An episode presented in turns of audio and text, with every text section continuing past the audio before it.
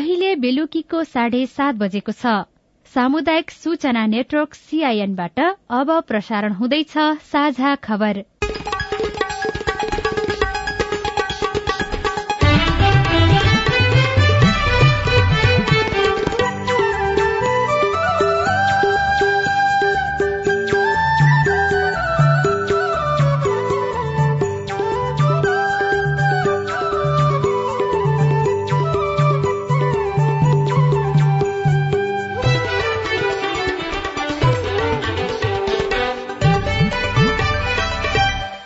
सीआईएनको साझा खबरबाट सोभिता रिसालको नमस्कार। साझा खबर देशभरिका सामुदायिक रेडियो सीआईएन खबर डट कम र मोबाइल एप सीआईएनमा पनि सुन्न सकिन्छ।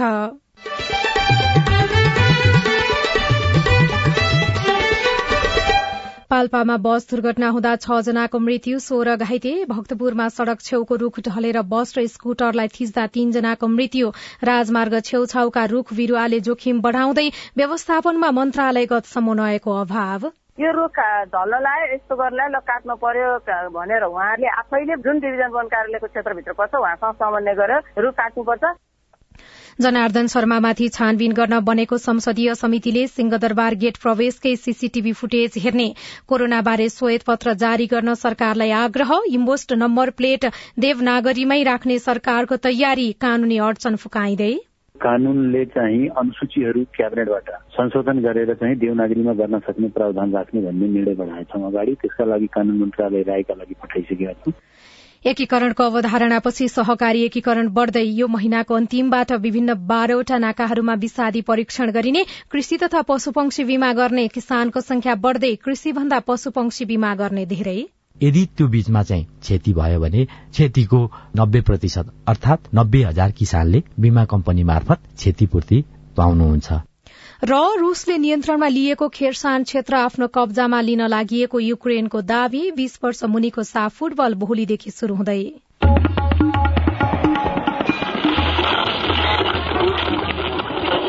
सयौं रेडियो। हजारौं रेडियो कर्मी। र करोड़ौं नेपालीको माझमा यो हो सामुदायिक सूचना नेटवर्क सीआईएन मल बिना नै रोपाई गरेका किसानको खेतमा धानका बिरूवा सरेर हरिया हुन थालिसकेका छन्। रोप्दा त मल पाइएन पाइएन। अब धान गोड्ने बेलासम्म पनि मलको अभाव हुने भएको छ। मलको अभावका कारण यसपटक धानको उत्पादन घट्ने निश्चित जस्तै देखिएको छ। यसबाट धानमा आत्मनिर्भर बन्ने सरकारी योजनामा समेत धक्का पुगेको छ। त्यसैले स्वदेशमा नै मल उत्पादन गर्ने विदेशबाट ल्याउँदा पनि विकल्प खोज्ने वा प्रांगारिक खेती प्रणाली बढ़ाउने जस्ता भरपर्दो विकल्प खोज्न सरकारले ढिला गर्नु हुँदैन। अब खबर उषा तामाङबाट। पाल्पामा बस दुर्घटना हुँदा छ जना यात्रुको मृत्यु भएको छ। बागलुङको बुर्तिवाङबाट बुटोलका लागि छुटेको लु एक ज उनासाठी बाहन्न नम्बरको बस पाल्पाको रेब्दीकोट गाउँपालिका दुई लघुवामा आज बेलुकी करिब पाँच बजे दुर्घटना भएको हो। दुर्घटनामा दुई महिला र चार पुरूषको घटनास्थलमा नै मृत्यु भएको। जिल्ला प्रहरी कार्यालय पाल्पाका प्रवक्ता प्रहरी नायब परीक्षक वीरेन्द्र थापाले जानकारी दिनुभयो। दुर्घटनामा घाइते भएका सोह्र जनाको सदरमुकाम तानसेनमा रहेको युनाइटेड मिशन अस्पतालमा उपचार भइरहेको छ। दुर्घटनामा मृत्यु भएकाहरूको शनाखत हुन बाँकी रहेको प्रहरीको भनाई उद्धृत गर्दै रेडियो मुक्तिनाथ पाल्पाले खबर पठाएको छ। यस्तै भक्तपुरको दूधपाटीमा आज दिउँसो रूख ढलेर बस र स्कूटरलाई थिच्दा तीनजनाको मृत्यु भएको छ। मृत्यु हुनेमा एकजना स्कूटी चालक हुन् भने दुईजना बसमा यात्रु बसका यात्रु रहेका छन्। भक्तपुर नगरपालिका सात गोलमडीका नोछेरा बोखाध्यौ भक्तपुर नगरपालिका तीनका विशेष खरबुजा र सिन्धुलीका तीस वर्षका राजकुमार भुजेलको मृत्यु भएको जिल्ला प्रहरी कार्यालय भक्तपुरले जनाएको छ। प्रहरीका अनुसार दुर्घटनामा बाह्रजना घाइते भएका छन्। घाइतेहरूमध्ये छ जनाको डाक्टर इबामुरा मेमोरियल अस्पतालमा उपचार भइरहेको छ भने अन्य छ जनाको मध्यपुर अस्पताल र भक्तपुर इन्टरनेशनल अस्पतालमा उपचार गरिएको छ। पछिल्लो समय राजमार्गलाई सुन्दर बनाउन राजमार्गका छेउछाउमा रोपिएका रूख बिरूवा ढलेर हाँगा बिगा झरेर सवारी साधनलाई थिच्दा मानिसको मृत्यु हुने क्रम बढ़िरहेको छ। राजमार्गमा हुर्किएका यस्ता ठूला र जोखिमयुक्त रूख बिरूवाको व्यवस्थापन गरी दुर्घटनाको जोखिम कम गर्न के गर्नुपर्छ? हामीले वन तथा भू संरक्षण विभागका सूचना अधिकारी शबनम पाठकलाई सोधेका छौं। त्यो भएको भइ छ होइन अब यो चाहिँ एकचोटि सर्लक्कै लाएर वन कार्यालयहरूलाई हामीले पनि अब चिठी लेख्ने विचार गरेका छौँ कि के कस्तो अवस्थामा छ? सडक छेउमा भएको रुखहरू काट्नुपर्ने स्थिति भए काट्नुपर्ने भनेर अब एउटा हामी छलफल गर्दैछौँ क्या। व्यापक छलफल गर्नुपर्ने भयो क्या यो। किनभने अब कुन जमानामा लगाएको रुख कसैलाई थाहा छैन त्यो जमानामा लगाएको भनेर रेकर्ड पनि छैन कति वर्ष भयो भनेर कसैलाई थाहा पनि छैन। अनि त्यसपछि अब यो धोद्रो भइसकेको अवस्थामा अब काट्नुपर्ने अवस्था काट्दाखेरि पनि फेरि पब्लिकले पनि कहिले ल वनले रुख काटेर सिद्धायो भने त्यो एकदम ढल्ने अवस्थामा थियो क्या सबै रुखहरू। डिभिजन वन कार्यालय अनि सडक सबै मिलेर यो चाहिँ मिटिङ गरेर यसलाई चाहिँ हामीले अनुगमन गरेर गर्नुपर्ने अवस्था तड्काएर रूपमा देखिन्छ। बजेट निर्माणमा अनधिकृत व्यक्ति प्रवेशको विषयमा छानबिन गर्न गठित संसदीय विशेष समितिले जेठ चौध गते राति सिंहदरबार प्रवेशद्वारको भिडियो नै हेर्ने निर्णय गरेको छ। अर्थ मन्त्रालयसँग माग्दा जेठ चौध गते रातिको सीसीटीभी फुटेज फेला नपरेपछि समितिले सिंहदरबार प्रवेशद्वारकै भिडियो हेर्ने निर्णय गरेको हो। समिति सचिवालयका अनुसार गृह मन्त्रालयसँग सिंहदरबारको दक्षिण र पूर्वी प्रवेशद्वारका सीसीटीभी फुटेज मागिएको हो। तत्कालीन अर्थमन्त्री जनार्दन शर्माले बजेट निर्माणका क्रममा अनधिकृत अधिकृत व्यक्ति प्रवेश गराई करको दर हेरफेर गराएको आरोप लागेपछि संसदीय छानबिन समिति गठन भएको थियो। नेपाली कांग्रेसका नेता तथा प्रतिनिधि सभा सदस्य डिला संग्रौलाले कोरोना बारेमा श्वेतपत्र जारी गर्न सरकारलाई आग्रह गर्नुभएको छ। आज प्रतिनिधि सभा बैठकमा वहाँले कोविडसँग जुझ्न नेपालले गरेका प्रयास उपलब्धि र आगामी चुनौती समेटेर श्वेतपत्र जारी गर्न आग्रह गर्नुभएको हो। सरकारले इम्बोस्ड नम्बर प्लेट देवनागरीमै राख्ने तयारी गरेको छ। भौतिक पूर्वाधार तथा यातायात मन्त्रालयले अंग्रेजीमा लेखिएको इम्बोस्ड नम्बर प्लेटमा विवाद उत्पन्न भएपछि नेपालीमै लेख्ने तयारी गरेको हो।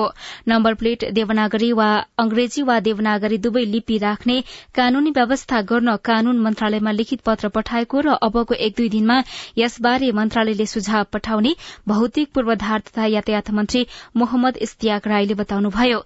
कानून मन्त्रालयले अनुसूची हेरफेर गरेपछि मन्त्री परिषदबाट निर्णय गरी कानूनी बाटो खुलाउने तयारी भइरहेको उहाँले सीआईएनसँग बताउनुभयो।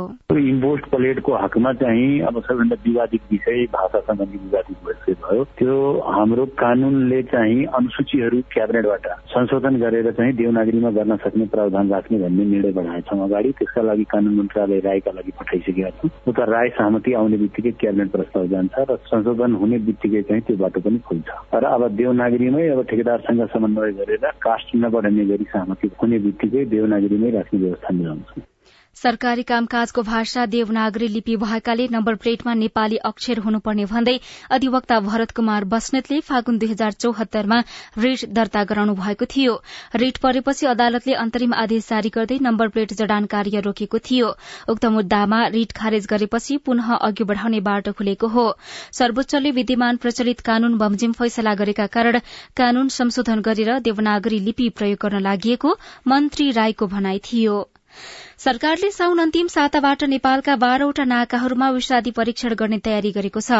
भारतबाट आयात हुने तरकारी तथा फलफूलमा भएको विषादी परीक्षणका लागि हाल सातवटा नाकामा मात्रै परीक्षण केन्द्र सञ्चालनमा रहेका छन्। कृषि मन्त्रालयको खाद्य प्रविधि तथा गुण नियन्त्रण विभागका अनुसार साउन अन्तिम साताबाट खाद्य आयात निर्यात गुणस्तर नियन्त्रण कार्यालय रहेका बाह्रवटा नाकाहरूमा त्यो व्यवस्था गरिनेछ। त्यसका लागि उपकरण जडान लगायत प्राविधिकहरूलाई दिइने अभिमुखीकरण कार्यक्रमहरू भइरहेको विभागका प्रवक्ता मोहन कृष्ण महर्जनले सीआईएनसँग बताउनुभयो। अहिले कार्यविधि छ त्यो परीक्षण गर्ने होइन? त्यसमा तिन क्याटेगोरीको हुन्छ। इनिभिसन पर्सेन्टको आधारमा त्यहाँ हेरिन्छ। जसमा चाहिँ अब पैँतिस पर्सेन्टसम्म आउनेहरूको चाहिँ अब ग्रिन हुन्छ त्यो ल्याउन पाउने हुन्छ। अब पैँतिसदेखि पैँतालिस पर्सेन्ट भएकाहरूलाई त्यो होल्डमा राख्नुपर्ने तिन चार दिन। त्यसपछि पुनः परीक्षण गरेर पैँतिस भन्दा बिलो भएपछि मात्रै उसले ल्याउन पाउँछ। पैँतालिस भन्दा माथि यदि इलिभिसन पर्सेन्ट छ भने त्यो रेड जोन हुन्छ त्यो चाहिँ उनीहरूले त्यही नष्ट गर्ने अथवा फिर्ता गर्नुपर्ने हुन्छ। विभागले गत कार्तिक एक गतेदेखि सातवटा नाकाहरूमा विषादी परीक्षण गरिरहेको छ। ती नाकाहरूमा चैत मसान्तसम्म चालिस हजार सात सय पचासीवटा आयातित फलफूल तथा तरकारीको नमूना परीक्षण गरिएकोमा बत्तीसवटा नमूना खानका लागि अयोग्य ठहर भएका छन्। कृषि तथा पशुपन्छी बीमा गर्ने किसानको संख्या बढ़दै गएको बीमा समितिले जनाएको छ। सरकारले कृषि तथा पशुपन्छी बीमा शुरू गरेको आर्थिक वर्ष दुई हजार सत्तरी एकहत्तरमा बैसठी करोड़ चौन लाख चार हजार छ सय तेह्र बराबरीको बीमाङ्क कायम भएको थियो। आर्थिक वर्ष दुई हजार सतहत्तर अठहत्तरसम्म आइपुग्दा त्रिचालिस अर्ब तीस करोड़ उन्चालिस लाख उन्चालिस हजार रूपियाँको कृषि तथा पशुपन्छी बीमा गरिएको छ। गरिएका बीमा मध्ये पञ्चानब्बे प्रतिशत अर्थात चालिस अर्ब उन्चालिस करोड़ भन्दा बढ़ी पशुपन्छी र दुई अर्ब एकानब्बे करोड़ कृषि बीमा रहेको पशु सेवा विभागका सूचना अधिकारी डाक्टर चन्द्र ढकालले सीआईएनसँग बताउनुभयो। मानव एक लाखको भैँसी थियो भने पाँच हजार त्यसको बीमा प्रिमियम भयो। त्यो पाँच हजारको अस्सी प्रतिशत अर्थात चार हजार रूपियाँ नेपाल सरकारबाट बीमा प्रिमियम अनुदान प्राप्त हुन्छ र किसानले तिर्नुपर्ने एक हजार रहन्छ। पाँच हजार हामीले बीमा प्रिमियम तिरेपछि त्यो पशु एक वर्षको लागि सुरक्षित हुन्छ। यदि त्यो बीचमा चाहिँ क्षति भयो भने क्षतिको नब्बे प्रतिशत अर्थात नब्बे हजार किसानले बीमा कम्पनी मार्फत क्षतिपूर्ति पाउनुहुन्छ। मानौ भैँसी थुनेलो भयो अथवा भैँसी चाहिँ अनुत्पादक भयो ब्याउन नसक्ने भयो इन्फर्टिलिटी भयो भने त्यसको करिब पचास प्रतिशतसम्म क्षतिपूर्ति दिने व्यवस्था रहेको छ। यसको हकमा चाहिँ किसानले चाहिँ प्राविधिकले त्यसलाई सिफारिस गरे बमोजिम हुने बिमा लेखमा नै त्यो कुराहरू उल्लेख गरिएको हुन्छ। यो एकदमै राम्रो प्याकेज हो। यो स्किमबाट किसानहरू डुब्नुहुन्न बाली तथा पशुपन्छी बीमा निर्देशन दुई हजार उनासत्तरी जारी गर्दा चारवटा बीमा लेख जारी गरी बीमाको शुरूआत गरिएको थियो। आगलागी वा अग्नि हुरी बतासको कारणले भएको क्षति आँधी बेहरी वा तुफान बेमौसमी वर्षा असिना हिउँ बाढ़ी वा डुबान खडेरी तुषारो शीतलहर पहिरो रोग किरा लगायतका कारण क्षति भएमा नब्बे प्रतिशतसम्म बीमा बापतको क्षतिपूर्ति प्राप्त हुन्छ। सरकारले सहकारी एकीकरणको अवधारणा ल्याएपछि एक सय अडचालिसवटा भन्दा बढ़ी सहकारी एकीकरण भएका छन्। भूमि व्यवस्था सहकारी तथा गरीबी निवारण मन्त्रालयले दुई हजार सतहत्तरमा निर्देशिका जारी गरे यता एक सय अडचालिस सहकारी एकीकरण प्रक्रियामा आएको मन्त्रालयको सहकारी विभागका प्रवक्ता टोलराज उपाध्यायले बताउनुभयो प्रदेश र स्थानीय तहले समेत कार्यविधि बनाएर स्थानीय सहकारीहरूलाई एकीकरण प्रक्रियामा लैजान पाउने भएकाले यो संख्या अझै बढ़ी हुन सक्ने उपाध्यायले सीआईएनसँग बताउनुभयो। संख्यात्मक हिसाबमा धेरै संख्या भएको कुरो चाहिँ प्रष्ट हो। सकेसम्म विषय र उद्देश्य मिल्ने संस्थाहरू चाहिँ एकीकरण गर्ने भन्ने नीति सहकारी विभागको हो। तर विभागले अपेक्षा गरे अनुसारको संख्या चाहिँ एकीकरणमा नगएको। अझै प्रभावकारी रूपमा अगाडि बढाएर विषयगत सहकारीहरू एउटा वडामा कतिवटा राख्ने भन्ने कुरो यकिन गरेर कानुनमा लेखेर र त्यो अनुसारको मात्रै संख्या बनाउन सकियो भने यो अलिकति क्वालिटी राम्रो हुन्थे। बढ़ी दर्ता हुने कामलाई निरुत्साहित गर्दै भएका सहकारीलाई एकीकरणमा लैजाने योजनामा विभाग लागिरहेको उपाध्यायले बताउनुभयो। यसले सहकारीमा गुणस्तरीयता कायम गर्न मदत पुग्ने उहाँको भनाइ छ। साझा खबरमा अब विदेशका खबर। युक्रेनका राष्ट्रपति भ्लोडिमिर जेनेस्कीले युद्धको शुरूमा रूसले नियन्त्रणमा लिएको खेरसान क्षेत्र आफ्नो कब्जामा लिन लागि बताउनु भएको छ। उहाँले आफ्ना सैनिकहरू विस्तारै सो क्षेत्रमा प्रवेश गरिरहेको बताउनुभयो। रूसले युद्ध शुरू गरे लगत्तै सो क्षेत्र नियन्त्रणमा लिएर आफ्नो रणनीतिक स्थान बनाएको थियो। र खेल खबरमा साफ बीस वर्ष मुनिको च्याम्पियनशीप पुरूष फुटबल प्रतियोगिताको उद्घाटन खेलमा नेपाल र मलदिप्स खेल्ने भएका छन्। भारतको भुवनेश्वरमा भोलिदेखि हुने प्रतियोगिताको पहिलो खेलमा नेपाल मलदिप्ससँग खेल्न लागेको हो। कालिङ्ग रंगशालामा उद्घाटन खेल नेपाली समय अनुसार दिउँसो चार पन्ध्र बजे शुरू हुनेछ। भोलिको खेलमा नेपाल जितको लक्ष्य सहित मैदान उत्रनेछ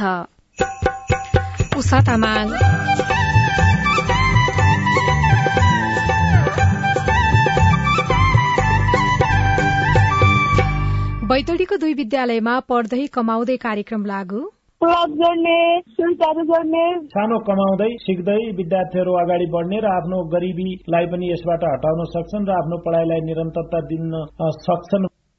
न्यून आय भएका परिवारका बालबालिकालाई सहज रिपोर्ट। कोरोना र यसबारेको खोपबारे बालबालिका र युवाको प्रश्नमा विज्ञको जवाफ विशेष श्रृंखला हाम्रो पालो बाँकी नै छ। सीआईएनको साझा खबर सुन्दै गर्नुहोला। बालबालिकालाई लगाउँदै गरेको खोपमा चाहिँ बालबालिकाहरू कहाँ गएर लगाउनु पर्ने र खोप लगाउन जाँदा के के लिएर जानु पर्ने त्यसबारे बताइदिनुहोस् न। मेरो जिज्ञासा के छ भनेपछि हामी विद्यार्थीहरू एकदमै जोखिममा छौँ तर पनि हामीहरूलाई समयमा खोप उपलब्ध हुन सकेको छैन। कोभिड बारे तपाईँको चासो अब हाम्रो पालोमा। कोभिडसँग जोडिएका थुप्रै बालबालिका तथा युवाहरूका प्रश्न र सरोकारवालाको जवाब सहित हरेक आइतबार साँझको साझा खबरमा प्रस्तुत भइरहेको छ हाम्रो पालो। कोभिड पछि घरको बसाई बाल तथा युवा मस्तिष्कमा पर्ने प्रभाव यसले मनोविज्ञानमा पारेको असर कोभिडमा मानव सुरक्षा र कोभिड विरूद्धको खोप लगायत तपाईँलाई लागेको विषयमा हाम्रो आइभीआर नम्बर शून्य एक बान्न साठी छ चार छमा प्रश्न गुनासो तथा प्रतिक्रिया रेकर्ड गराउनुहोला। सरोकारवाला निकायको जवाब सहितको हाम्रो पालो देशभरिका सामुदायिक रेडियोमा प्रसारण भइरहेको छ।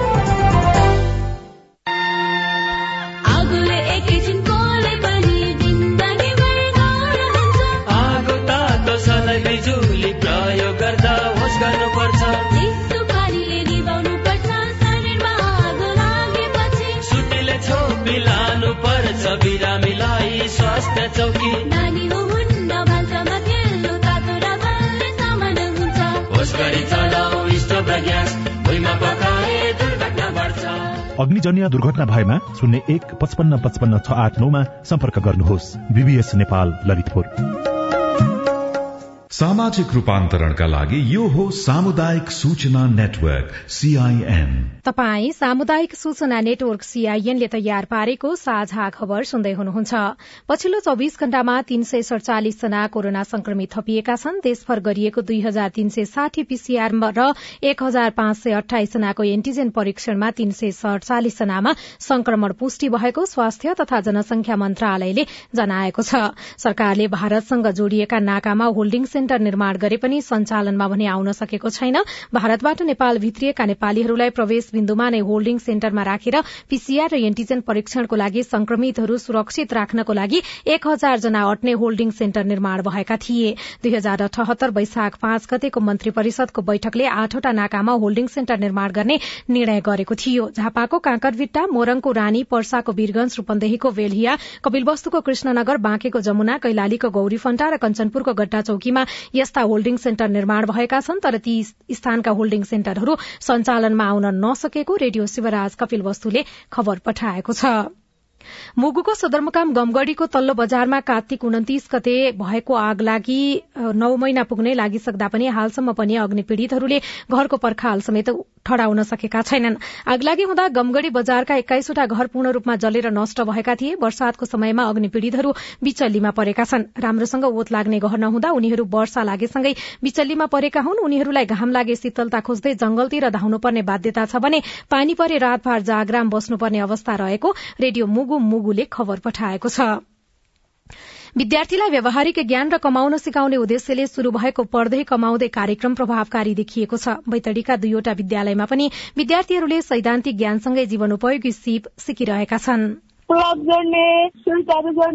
लक्ष्मी भट्ट मणिलेक माध्यमिक विद्यालय मेलौलीमा कक्षा दशमा पढ्नुहुन्छ। उहाँले पढ़ाई सँगसँगै वायरिङको काम पनि सिकिरहनु भएको छ। लक्ष्मी जस्तै विद्यालयका साठी जना विद्यार्थीहरू वायरिङ र फर्निचरको काम सिकिरहेका छन्। कक्षा नौका विद्यार्थी राम ओड। काठको काम गर्यौँ अहिले। काट्नु रङ्गा लाउनु घर बनाउनु केही अफिसहरू केही बनाउनुको लागि दरवाजा स्टारहरू बनाउनुको लागि प्रयोग गर्नुपर्छ। पढ्दै कमाउँदै कार्यक्रम राष्ट्रपति शैक्षिक सुधार कार्यक्रम अन्तर्गत मणिलेक माध्यमिक विद्यालय र गोकुलेश्वर कृषि तथा पशु विज्ञान कलेजमा यसै वर्षबाट शुरू भएको हो। पढ़ाइका अतिरिक्त तरकारी खेती माछा पालन पशुपालन तथा कम्पोस्ट मल उत्पादनको सिप सिकिरहेको बताउनुहुन्छ गोकुलेश्वर कृषि क्याम्पसमा अध्ययनरत विद्यार्थी एन्जल अवस्थी। दुई रोपनी जमिनबाट चाहिँ हाम्रै ग्रुपले नै हामीले लगभग आठ हजार नौ हजार दुई हजार तिन हजारको लगानीमा चाहिँ आठ हजार नौ हजार चाहिँ एकदम मिनिमममा चाहिँ उठाइरहेको छौँ र त्यहाँबाट आउने क्रम जारी नै छ। पढ्दै कमाउँदै कार्यक्रमले न्यून आय भएका विद्यार्थीहरूका लागि आय आर्जनको बाटोतर्फ उन्मुख गरी पढ़ाइमा पनि सहयोग गर्ने विश्वास छ। मणिलेक माध्यमिक विद्यालयका प्रधानाध्यापक रमेश दत्त बाग। बिहान साँझ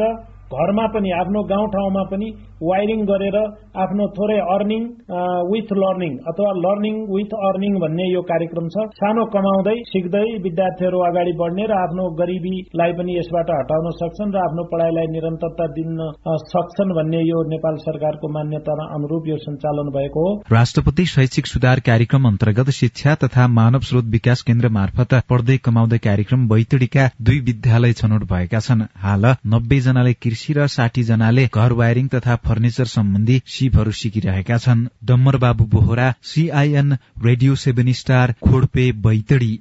साझा खबरमा अब सीआईएन नमस्कार म गणेश साई कमलचार नगरपालिका वडा नम्बर छ उत्तरदेखि त्रिभुवन विश्वविद्यालयले विगत लामो समयदेखि सञ्चालन गर्दै आएको वान इयर बिएड कार्यक्रम तैद गरेको छ त्यो फेरि सुचारू गर्छ या गर्दैन यदि गर्छ भने कहिलेदेखि गर्छ होला जानकारीका लागि जवाफ दिँदै हुनुहुन्छ त्रिभुवन विश्वविद्यालय अन्तर्गत परीक्षा नियन्त्रण कार्यालय बल्कुका उपनियन्त्रक घनश्याम ठाकुर सालसम्म हामीले परीक्षा लियौँ होइन एनुअल सिस्टममा अहिले डी अफिसले त्यसको सञ्चालन गर्नुपर्ने हो सेमेस्टर सिस्टममा होइन अब पहिलेदेखि नै हुनु त पर्ने हो तर मलाई लाग्छ आउने वर्ष अब नयाँ भर्ना खुलेपछि यो बाह्रको रिजल्ट पछाडि र ब्याचलरको रिजल्ट जुन हाम्रो हुँदैछ चार वर्ष फोर्थ इयरको त्यस पछाडि साथ खुल्ला अब। नमस्कार म बलबहादुर खत्री उदयपुरबाट। मैले राजधानी बनाउन काठमाडौँको एपोइन्टमेन्ट बनाइदेऊ भने ड्राइभरहरूलाई भन्दा काठमाडौँको एपोइन्टमेन्ट खुल्दै खुल्दैन जिल्ला पनि कहिले काहीँ खुल्छ त्यो पनि गाह्रो हुन्छ भन्ने गाह्रो हुन्छ भन्ने जवाफ पाइन्छ। के विभागले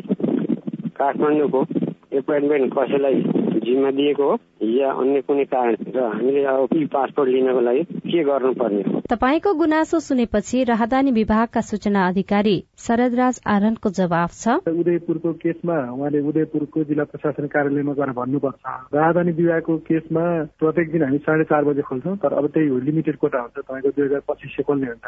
त्यति सिधिसकेपछि त्यसपछि फुल भन्ने हुन्छ। होइन तर जिल्लाको मान्छेलाई जिल्लामा गएर बुझाउनलाई केही प्रब्लम छैन। उदयपुरमा त्यत्रो हिउज पनि छैन। खालि उहाँले जिल्लामा गएर रिक्वेस्ट गर्नुपर्छ। इमर्जेन्सी पर्नेहरूलाई पनि जिल्लाले सिधै इनरोल पनि गरिदिन सक्ने हुन्छ।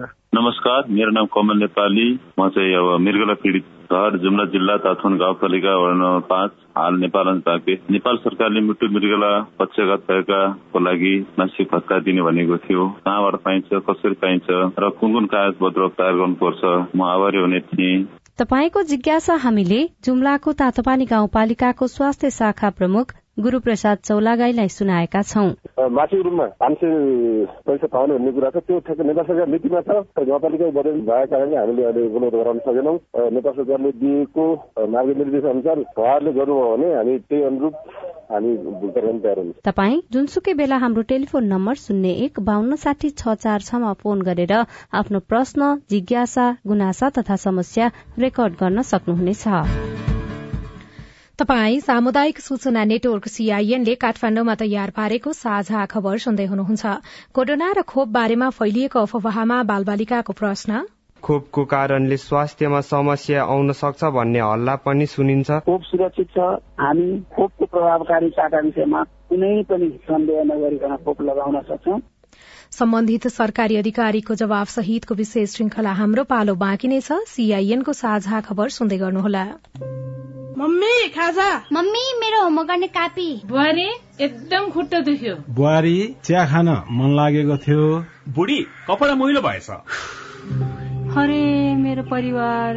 भर्खरै सुनेको संवाद तपाईँलाई कस्तो लाग्यो? यही संवादलाई फेरि एकपटक यसरी सुनौ न है। मम्मी खाजा। आज म बनाउँछु। मिठो बनाउँछु है। मम्मी मेरो होमवर्क गर्ने कापी। मैले खोजिसके। अब म होमवर्क गर्छु। बुहारी एकदम खुट्टा दुख्यो। छोराले तेल तताएर लगाइदिएपछि अलि आराम भयो। बुहारी चिया खान मन लागेको थियो। सबैको लागि बनाएको छु। आऊ सबैजना खान। बुढी कपडा मैलो भएछ। घर नि कस्तो फोहोर। कपडा धोएर भ्याए। अब घर सफा गर्छु। कोरोनाको महामारीबाट बस्न पनि त सरसफाई जरुरी छ नि। आहा मेरो परिवार। तपाईँलाई दोस्रो संवाद कस्तो लाग्यो? पक्कै राम्रो लाग्यो। हो। तपाईँ हामी बीच जिम्मेवारी बोध भयो भने एक अर्का बीचको निकटतालाई अझ राम्रो बनाउन सकिन्छ। बाढी चोडी जिम्मेवारी परिवारमा समझदारी। महिला बालबालिका तथा ज्येष्ठ नागरिक मन्त्रालय युएन वुमन ल्याक र अकुराबको सहकार्य। सामाजिक रूपान्तरणका लागि यो हो सामुदायिक सूचना नेटवर्क सीआईएन तपाई सामुदायिक सूचना नेटवर्क सीआईएनले काठमाण्डुमा तयार पारेको साझा खबर सुन्दै हुनुहुन्छ। साझा खबरमा अब प्रस्तुत छ विशेष श्रृंखला हाम्रो पालो।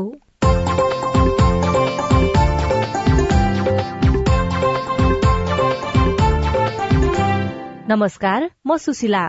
हाम्रो पालोमा हामी कोविड लगायत अन्य विपत्तिमा बाल सुरक्षा बाल अधिकार लगायत किशोर किशोरी र युवाहरूका प्रश्न लिँदै त्यसको उत्तर खोज्ने प्रयत्न गर्नेछौ। कोविड लगायत अन्य विपत्ति बेला बाल सुरक्षाका सवाल यसले बालबालिका तथा युवाहरूको मनोविज्ञानमा परेको प्रभाव यो समयमा उनीहरूलाई उत्प्रेरणा कसरी दिने अभिभावक र शिक्षकबाट बाल बालिका कस्तो व्यवहार खोजिरहेका छन्? स्थानीय सरकार र सरकारवालाले उनीहरूका लागि के के गरिरहेका छन् जस्ता विषयवस्तुमा सवाल जवाफ खोज्नेछौं। आज हामी हाम्रो पालोको अन्ठाउनौ खण्डमा छौं। पछिल्लो समय नेपालमा कोरोना भाइरसको संक्रमण दर उकालो लागिरहेको छ। स्वास्थ्य तथा जनसंख्या मन्त्रालयले सम्भावित चौथो लहरको जोखिम रहेका कारण जनस्वास्थ्यको मापदण्ड पालना गर्न सबैमा अनुरोध गरेको छ। हाम्रो पालोको शुरूआतमा कोरोना भाइरस र खोप बारे फैलिएका अफवाहबारे बाल बालिकाको सवालको जवाफ दिँदै हुनुहुन्छ। स्वास्थ्य तथा जनसंख्या मन्त्रालयका सहप्रवक्ता डाक्टर समीर कुमार अधिकारी। नमस्कार मेरो नाम अञ्जली र मेरो घर चाहिँ काभ्रेको विकट गाउँमा रहेको छ। खोप लानलाई नै उहाँ दुई तिन दिन लाग्छ। अझ त्यहाँनिर राखेर दुई तिन दिन राखेर खोप लगाउँदाखेरि त खोपको टेम्परेचर मेन्टेन भएको छ कि छैन भन्ने आशंका मनमा पलाइरहेको छ मेरो। के तपाईँहरूले खोप लगाइदिने बेलामा टेम्परेचर मेन्टेन गर्नु भएको छ? भण्डारण गर्ने ठाउँबाट लगाउने ठाउँसम्म लैजाँदाखेरि एउटा सबै हिसाबले बाहिरको तापक्रमको त्यसमा प्रभाव नपर्ने किसिमको र निश्चित तापक्रम रहन सक्ने गरी त्यसै अनुसार समायोजन हुने गरी त्यो सामञ्जस्य हुने हिसाबले त्यसभित्र ओ सबै आइसहरू प्याकहरू राखेर प्रविधिले सबै व्यवस्थापन गरेको भाँडोमा मात्रै भण्डारणबाट लगाउने खोप केन्द्रसम्म खोप लगिएको हुन्छ। त्यसमा हामी कति टाढा छ कति दुर्गम छ भन्ने हिसाबले प्रभाव पर्दैन। त्यहाँ रहनुभएको स्वास्थ्य कर्मीहरूले खोपको तापक्रम सबै सुनिश्चित गरेर मात्र लगाउने व्यवस्था गर्ने गर्नुभएको हुन्छ। नमस्कार मेरो नाम रेडियन म बनेपाम बस्छु। म चौध वर्ष लागे। मैले कोरोना विरुद्धको खोप लगाइसके तर ठूलो भएपछि यही खोपको कारणले स्वास्थ्यमा समस्या आउन सक्छ भन्ने हल्ला पनि सुनिन्छ। खोपका कारण कुनै समस्या देखिन्छ कि देखिँदैन जानकारी दिनुहोस्। खोप सुरक्षित छ यसले कोभिड उन्नाइस संक्रमणका कारण हुने जटिलताहरूलाई रोक्छ। हामी खोपको प्रभावकारिताका विषयमा कुनै पनि सन्देह नगरिकन खोप लगाउन सक्छौँ। यो अहिलेका लागि भोलिका भविष्यका लागि पनि कुनै जटिलता नगराउने खालको खोप रहेको कुरा चाहिँ हामी सबैले बुझ्न आवश्यक छ। नमस्कार म गरिमा हाम्रो परिवारमा हामी सबैजनाले खोप लगाइसक्यौँ। अचेल त कोरोना झन् बढ्यो भनेर सुनिन्छ। हाम्रो परिवारमा एउटा सानो तीन वर्षको भाइ चाहिँ बाँकी नै छ। हामीले खोप लगाएपछि हामी त सुरक्षित हुन्छौँ तर ऊ पनि जोखिममा पर्न सक्छ। के सानो बाबु नानीहरूका लागि छुट्टै खोप आउँछ कि उनीहरू हामीले सबैजनाले लगाइसकेपछि आफै सुरक्षित हुन्छन्? हामी तीन वर्षको बाल बालिकाका लागि खोप संसारमा कहीँ विकास भएको छैन कोभिड उन्नाइस खोप। उहाँहरूलाई अहिले खोप लगाउने गर्ने व्यवस्था पनि गरिएको छैन।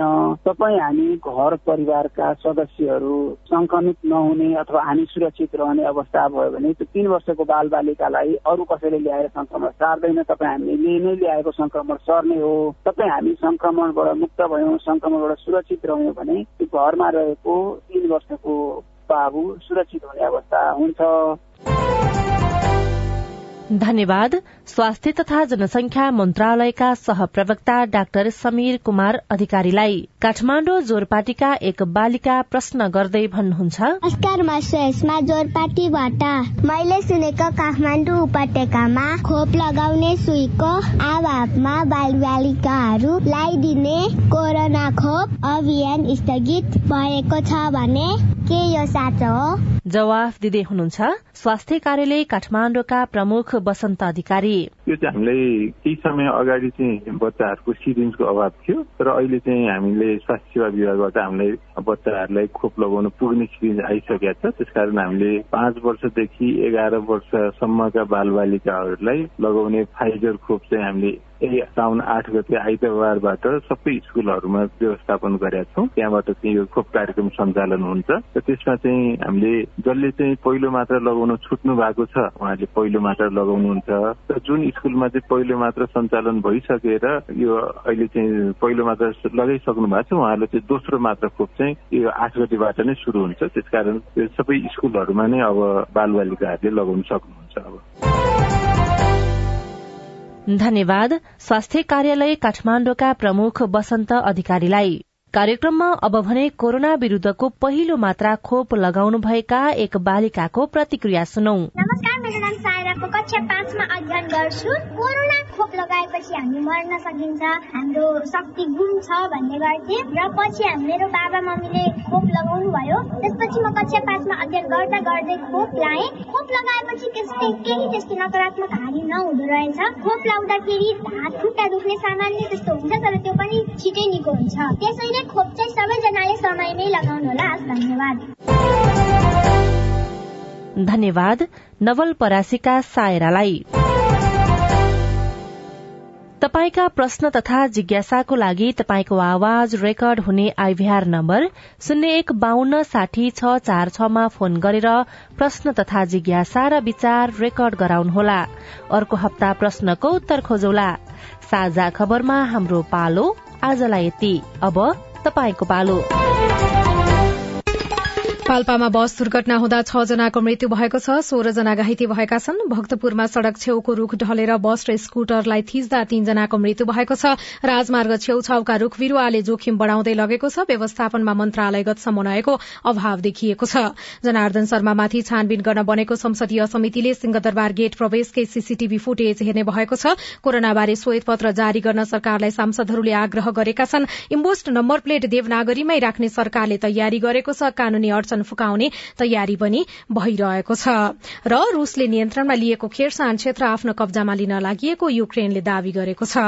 हवस् आजलाई साझा खबरको समय सकियो। प्राविधिक साथी सुरेन्द्र सिंहलाई धन्यवाद। भोलि साउन नौ गते बिहान छ बजेको साझा खबरमा फेरि भेटौँला। अहिलेलाई सोभिता रिसाल पनि विदा हुन्छु। नमस्कार शुभरात्री।